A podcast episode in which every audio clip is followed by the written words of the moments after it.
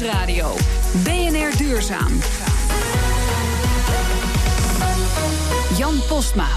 Parijs is de stad waar verliefde stelletjes een slotje hangen aan de Pont Neuf... waar automobilisten toeterend rondjes rijden rondom de Arc de Triomphe... en waar zwetende fietsen strijden om de eer op de Champs-Élysées... Maar sinds uh, december 2015 staat Parijs ook synoniem voor climate action, dankzij het klimaatakkoord.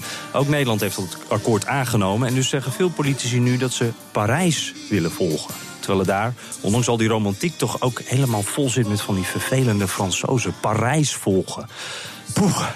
Klimaatonderzoeker Bert Metz doet al heel lang onderzoek naar klimaatbeleid. En hij was eh, betrokken bij het Intergovernmental Panel on Climate Change.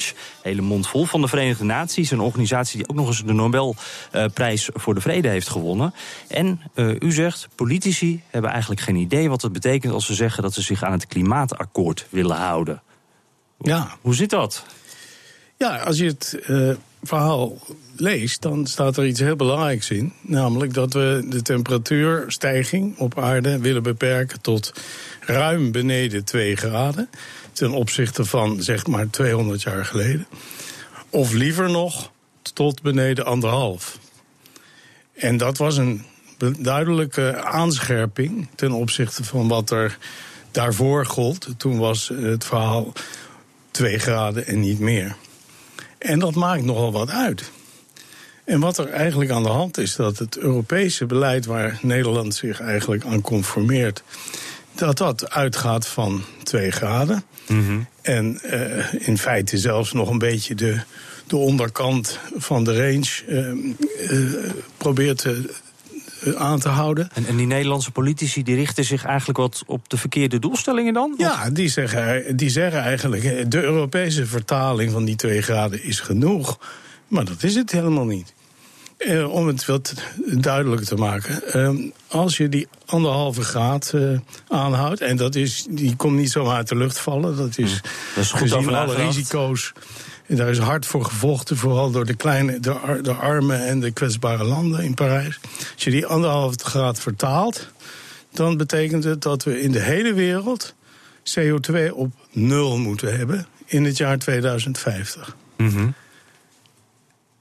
En als je dan een beetje de eerlijke verdeling nog in acht neemt, dan zeg je, nou, rijke delen van de, van de wereld, Europa, ietsje eerder, arme landen ietsje later. Mm -hmm. Dus zeg maar 2040, nul CO2 in Europa. Nou, wij liggen echt niet op koers naar nul CO2 in 2040. Nee. En de, dat wordt eigenlijk voldoende, onvoldoende uh, overgebracht. En, en waarom is dat, denkt u? Denkt u?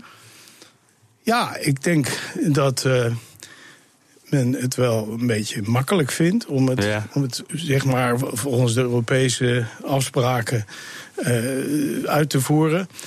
Want als je als je zegt het is niet genoeg, dan moet je je dan gaan ja, dan moet er ook actie komen, dan moet je ook extra dingen doen. Ja.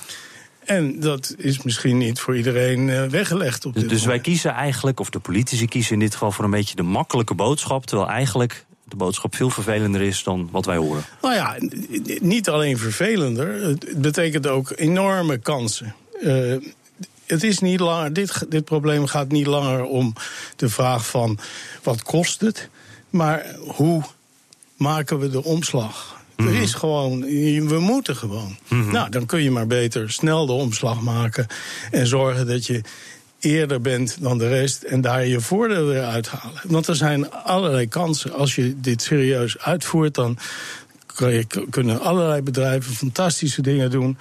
Dus ik zou zeggen, aan de gang. Ja, nou, dat lijkt me, lijkt me duidelijk. Maar we zitten nu natuurlijk in die campagne. Dus politici zijn aan de gang en dan vooral met uh, kiezers uh, aan zich binden.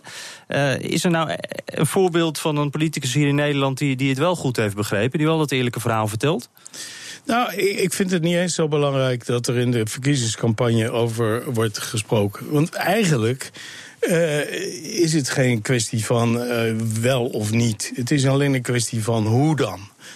En uh, eigenlijk dat, gaat het dus om na de verkiezingen in het, in het regeerakkoord. Daar moeten de stappen gezet worden. Maar er zijn toch ook politieke partijen in Nederland die zelfs het probleem een beetje weghonen?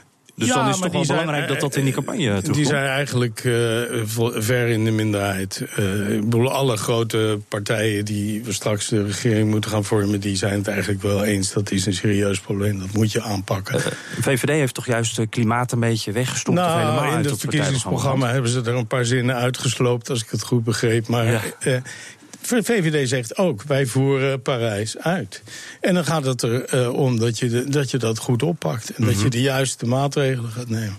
Nou noem je ook eh, zelf het initiatief tot het manifest Grootouders voor het Klimaat. De naam zegt het al, hè, dit is voor de generaties na ons. Eh, Ja. Heeft Den Haag daar nou ook oren naar? Ja, in deze tijd eh, van campagne voeren is het een beetje lastig om ertussen eh, in te komen. Ja, maar ja. De, de boodschap eh, is denk ik wel belangrijk.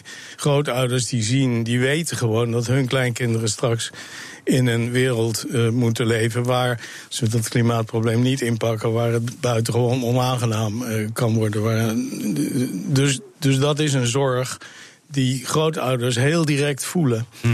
En vandaar dat, eh, dat dit initiatief eh, probeert eh, ja, die boodschap via die lijn nog eens onder de aandacht te brengen.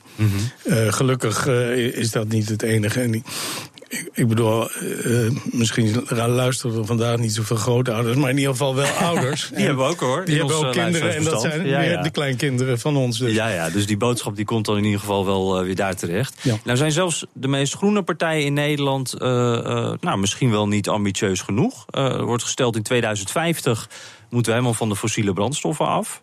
Ja, dat eh, lijkt me ook eh, nog best wel ver weg. Is dat niet gewoon te laat? Ja, dus d- dat moet eerder. Eh, Ja. dat moet, Maar dat als zelfs de groene partijen dan, dan al niet eh, ambitieus genoeg zijn. Nou, maar, maar het gaat er, ik denk dat het belangrijker is om nu eh, stappen te zetten. Hè. Als je denkt aan huizen, gebouwen. eh, ja, die moeten van het gas af. Hè. Langs, Mhm. Er is langzamerhand wel eh, breed een gevoel van ja, dat, dat klopt. En heeft u dan politiek of ook eh, onder de mensen zelf? Ik denk politiek, maar ook onder mensen. is het Natuurlijk, het, het, het aardbevingsfenomeen in Groningen heeft daaraan bijgedragen. Maar mensen snappen dat. Dat is een geweldige operatie. Moet je huizen isoleren, moet je warmtepompen erin zetten, moet je groen gas gebruiken.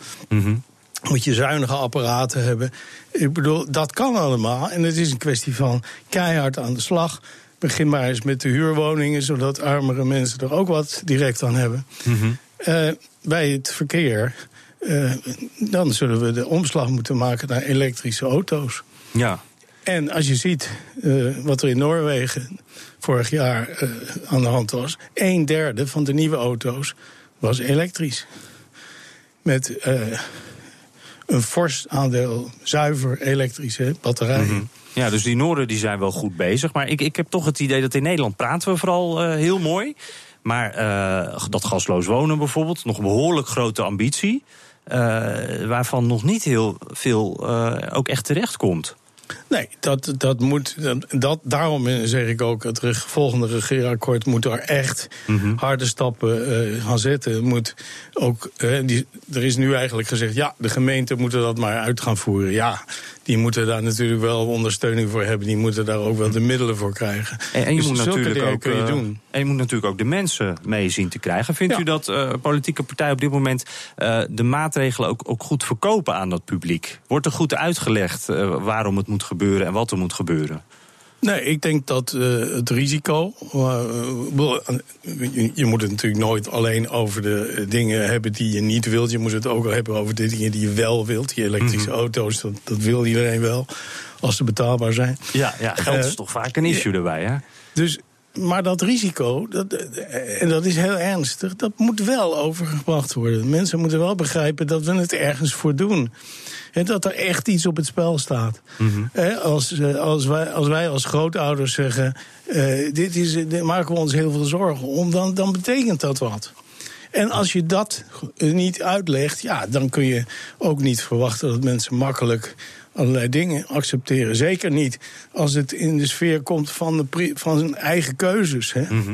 En, en als de, eh, eh, die nieuwe regering is er dan, zijn geformeerd, we hebben de verkiezingen al lang achter ons. Wat, wat is dan het punt waarvan u zegt, nou, daar moeten ze als eerste mee beginnen? Dat moeten ze goed gaan uitleggen. Daar gaan we echt uh, stappen mee vooruit zetten. Moeten we dan naar de huizen of naar de auto's? Of... Je moet en je moet alles, in feite, alles moet uit de kast. De, de auto's, de vrachtauto's, elektrisch maken. In Duitsland en in Zweden worden nu proeven gedaan met met bovenleidingen boven snelwegen om daar de vrachtauto's, elektrische vrachtauto's, trolleys. Nederland, het vrachtwagenland. Waarom, zijn wij, waarom doen wij dat niet? Eh, je, je, moet en, je moet en naar de, ook naar de industrie kijken. Want die zal, eh, daar is misschien nog wel het lastigst. Mhm. Maar die zal ook die omslag moeten maken. En eh, die moeten daar nou, die moeten flink aan de slag met energiebesparing. Maar die moeten ook geholpen worden met innovatie. Om te zorgen dat ze echt naar die nul CO2 kunnen. En, waar ligt dan volgens u uiteindelijk die, die sleutel? Want we hebben de overheid heeft een rol. wij hebben als consumenten een rol. Die, die grote bedrijven hebben een rol. Ja. Waar moet nou die eerste stap gezet worden? Nou, dit, dat, dat is eigenlijk wel de overheid. Want die moeten de omstandigheden creëren waardoor anderen aan de slag kunnen. Er was vorig jaar in het najaar was er een klimaattop. Daar hoorde je dat ook. Bedrijven zeggen daar: wij willen wel. Overheid, geef ons de juiste prikkels. En dat is het verhaal. Dus overheid eerst, maar niet alleen. En dan kan de rest volgen. BNR Nieuwsradio. Duurzaam. Dank u wel, Bert Metz, voor dit uh, duidelijke verhaal. En dat de woorden van politici ertoe doen, dat blijkt wel uit onderzoek van de Rijksuniversiteit Groningen. Die universiteit vroeg Trump-stemmers voor en na de verkiezing hoe ze dachten over duurzaamheid en klimaatverandering. En voor de verkiezingen zei meer dan de helft van de Trump-aanhangers dat ze geloofden in klimaatverandering. Tweederde voelde zich een beter persoon uh, als ze duurzaam handelde. En bijna twee derde probeerde minder energie te gebruiken. En daardoor weer ruim de helft van uh, deed dat om de opwarming van de aarde tegen te gaan. Dus eigenlijk best wel milieubewuste kiezers als je dit zo hoort. Uh, de grote vraag, Thijs Bouwman, onderzoeker aan de rug.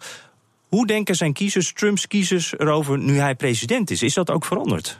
Ja, goedemiddag. Um, uh, nou, bedankt voor de introductie. En ik denk inderdaad, uh, je stond al mooi het lijstje op met, uh, met een aantal bevindingen die we in die studie hebben gevonden. Um, als je gaat kijken naar het verschil over de tijd, dan zie je inderdaad een verandering. Maar die verandering is niet in het geloof in klimaatverandering. je ziet dat voor en na um, uh, dat Trump verkozen was. En uh, misschien is het belangrijk om erbij te vermelden... voor was één dag voor de verkiezingen. Uh, en na was twintig dagen nadat hij ook daadwerkelijk president was geworden. Dus na zijn inauguratie. Ja. Um, vind je dat mensen nog steeds, of in ieder geval de, de mensen die voor Trump stemden... nog steeds net zo sterk in klimaatverandering geloven... Alleen de intentie om gedrag aan te passen eraan, dat gaat naar beneden. Mensen voelen zich niet meer een beter persoon wanneer ze... of voelen zich in mindere mate een betere persoon uh, wanneer ze duurzaam handelen. Um, ze voelen zich minder schuldig op het moment dat ze niet duurzaam handelen. Uh, en bereid, bereidheid om mee te doen aan bijvoorbeeld uh, het, het, klimaatakkoord van Parijs daalt ook fors. Dus mensen blijven geloven, alleen uh, ja, de manier hoe ze met, uh, hiermee omgaan... dus of ze ook daadwerkelijk iets duurzaams willen gaan doen... of ze ook uh, daadwerkelijk zelf tot actie over willen gaan, dat verlaagt. Dat is wel gek eigenlijk, toch? Hoe, hoe komt dat verschil dan? Passen kiezers hun mening aan naar die van de nieuwe president? Um, nou, deels dus, want uh, ze blijven erin geloven. Ze blijven geloven dat klimaatverandering uh, bestaat. Uh, maar ze voelen minder die noodzaak, minder de mhm. noodzaak om daadwerkelijk duurzaam te gaan handelen. En ik denk dat één verklaring daarvoor kan zijn, is natuurlijk dat, dat Trump, of, of, in ieder geval dat hij verkozen is, wat laat zien over hoe bereid mensen zijn om hierin mee te gaan. Trump die laat natuurlijk aan de lopende band berichten naar buiten gaan over dat hij er niet in gelooft in ieder geval. Uh, hij zegt het is een hoax, hè? Dit is bedacht door de Chinezen. Ja, klopt. Dat is inderdaad uh, een van zijn uitspraken. Uh, ja, en daarnaast zijn er natuurlijk nog heel veel uh, beleidsdingen die, die hij op dit moment uitvoert... die ook uh, nou, in ieder geval niet goed zijn voor de duurzaamheid... en niet, niet de mhm. situatie verbeteren. En dat kan natuurlijk een voorbeeld... hij kan daarmee een voorbeeld zetten voor, voor de Amerikaanse bevolking en zijn stemmers. En daarmee ook dat mensen denken van... Nou, als hij het niet doet, als hij het niet belangrijk vindt... waarom zou ik me er dan schuldig om gaan voelen? Maar kan je dan een beetje samenvatten eigenlijk dat, dat, dat wat Trump zegt... dat hij klimaatverandering niet gelooft... daar gaan zijn kiezers niet in mee, maar zijn acties, daar gaan ze wel zichzelf een beetje aan spiegelen. Ja, klopt. Dat is inderdaad waar de, de resultaten op lijken te wijzen. Hm, en hoe zit dat eigenlijk bij eh, Clinton-stemmers? Zijn die nog anders, uh, zich anders gaan gedragen sinds uh, de verkiezing van Trump? Nee, dat is ook wel interessant. Die, uh, die, daar vinden we eigenlijk bijna geen verschillen in. Of eigenlijk helemaal niet. Uh, over tijd zie je dat ze... Uh, nou, je vond al voor de verkiezingen... geloofden zij allemaal behoorlijk sterk in klimaatverandering. Dat het voorkwam dat het ook door mensen veroorzaakt werd. En als je dan over tijd gaat kijken, blijft dat eigenlijk hetzelfde. Okay, en dus- ook, ook de intentie om met dat gedrag bezig te gaan. Ook om dat voor klimaatverandering te doen. En ook de mate waarin ze zich schuldig voelen als ze dat niet doen. Of een goed persoon voelen als ze dat wel doen. Ja, ja. En, maar die Clinton-stemmers zijn dus niet extra gemotiveerd... nu zij een president hebben die wat anders uh, vindt dan zij vinden. Nee, dat, daar, daar, vinden wij op dit moment inderdaad geen, uh, geen bewijs voor. Okay. Het is natuurlijk, wat daar wel belangrijk bij is om te vermelden... en dat geldt ook voor de, de mensen die uh, op Trump stemmen... Um, het is natuurlijk vrij kort na de verkiezingen. Er is behoorlijk wat gebeurd in die twintig dagen. Um, aan de ene kant kan dat natuurlijk veroorzaken dat mensen dan heel heftig erop reageren. Aan de andere kant het is ook nog maar een hele korte periode. Dus mensen kunnen ook het gevoel hebben van nou, eerst nog maar eens zien. Ja, we wachten het even af. Ja, klopt. Dus dat, uh, dat die hevige reacties uh, misschien... Uh, nog wat langer op zich laten wachten. Uh, ook dat de stabielere dingen als het geloof in klimaatverandering... dat dat misschien ook over lange termijn ja. dan wel weer gaat veranderen. Dus dat dat misschien af gaat nemen als Trump deze uh, beweging door blijft zetten. Dus dat dan ook de mensen die voor Trump hebben gestemd... ook op de lange termijn gaan denken... nou, misschien is die klimaatverandering ook wel onzin.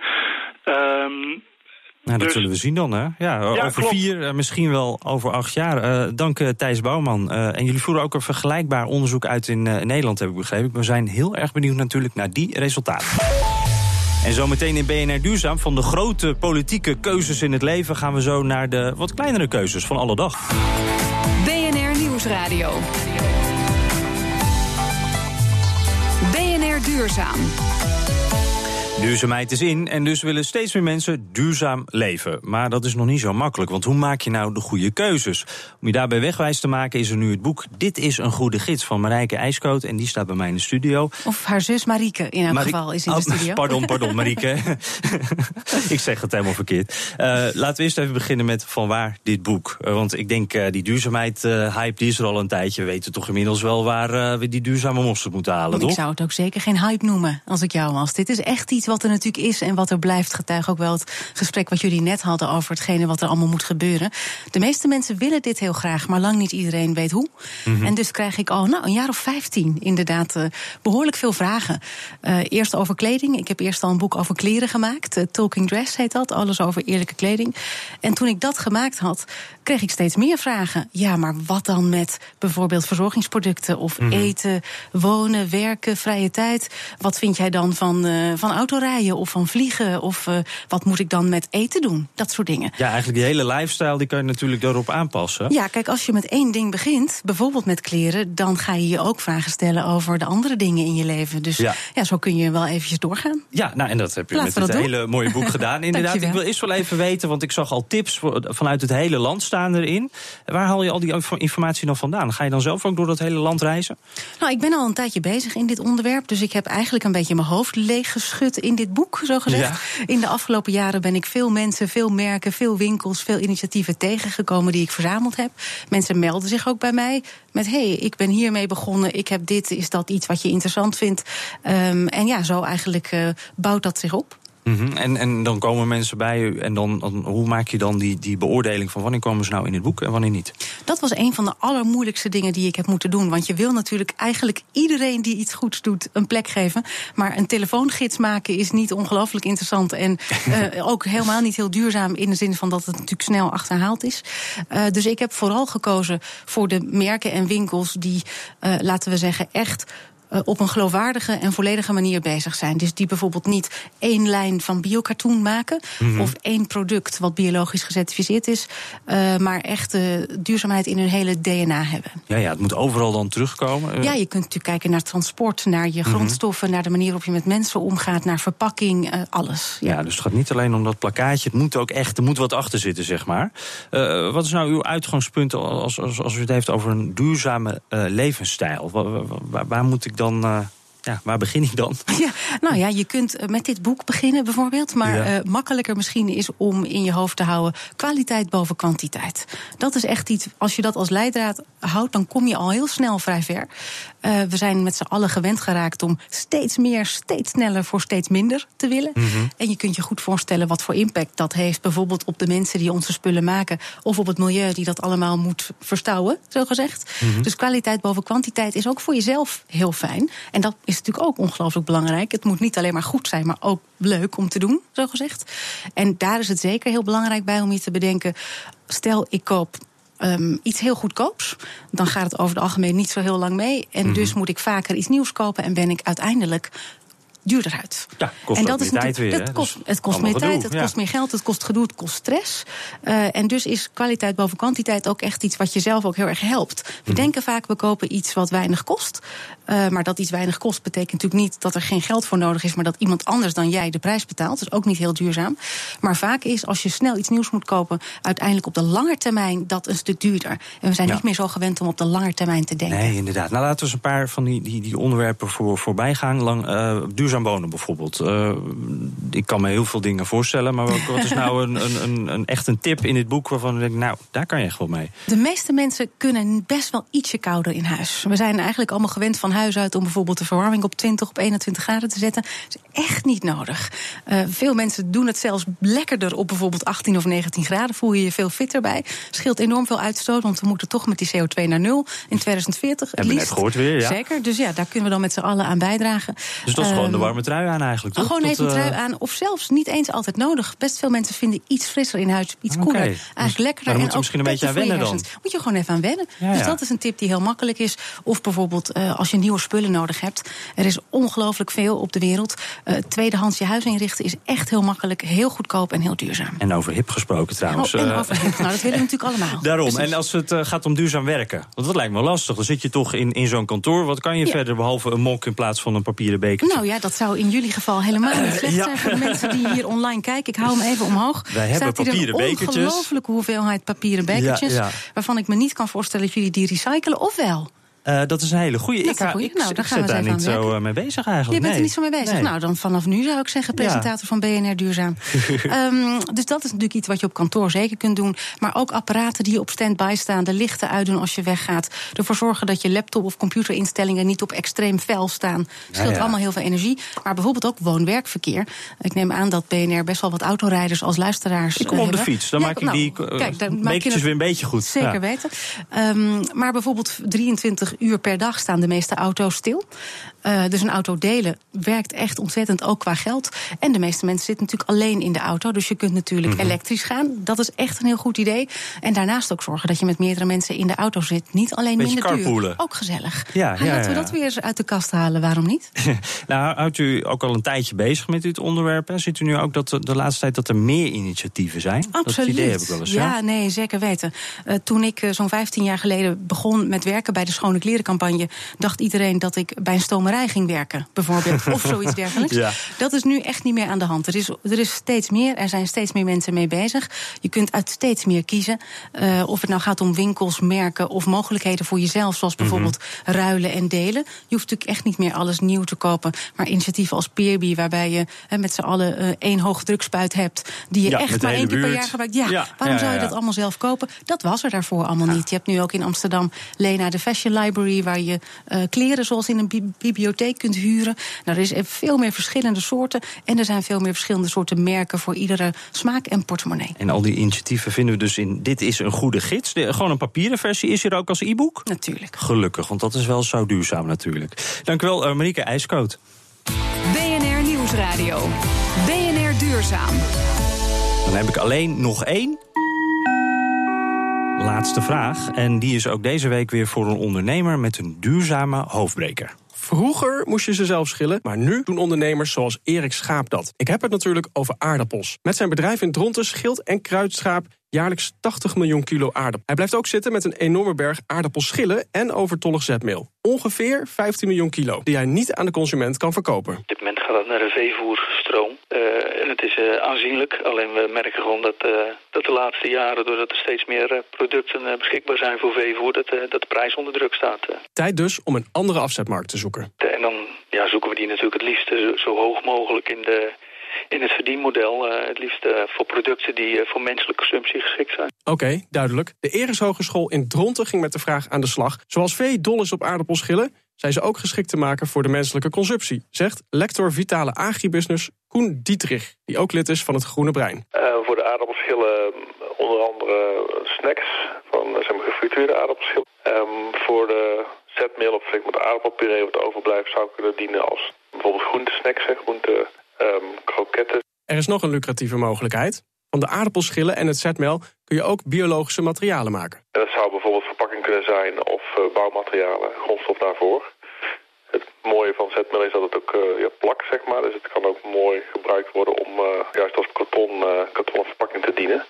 En dat zou eventueel, hè, de kartonnen verpakking zou eventueel gebruikt kunnen worden om weer producten van, van schaap te verpakken. De producten zijn al succesvol gemaakt. Nu moet nog onderzocht worden of het ook winstgevend kan worden verkocht. En misschien koop je straks dus aardappels verpakt in aardappels. Ja, dat is eigenlijk een soort uh, aardappelschil dus. Je hoort een bijdrage van redacteur Daan Marcellus. U kunt deze hele uitzending terugluisteren via bnr.nl, via de BNR-app of stream ons via iTunes of Spotify. Zometeen is Petra Gijzen hier met BNR Spitsuur. Ik zeg, hou hoop en doe het duurzaam. Net als Harm dat normaal altijd zegt. Tot volgende week.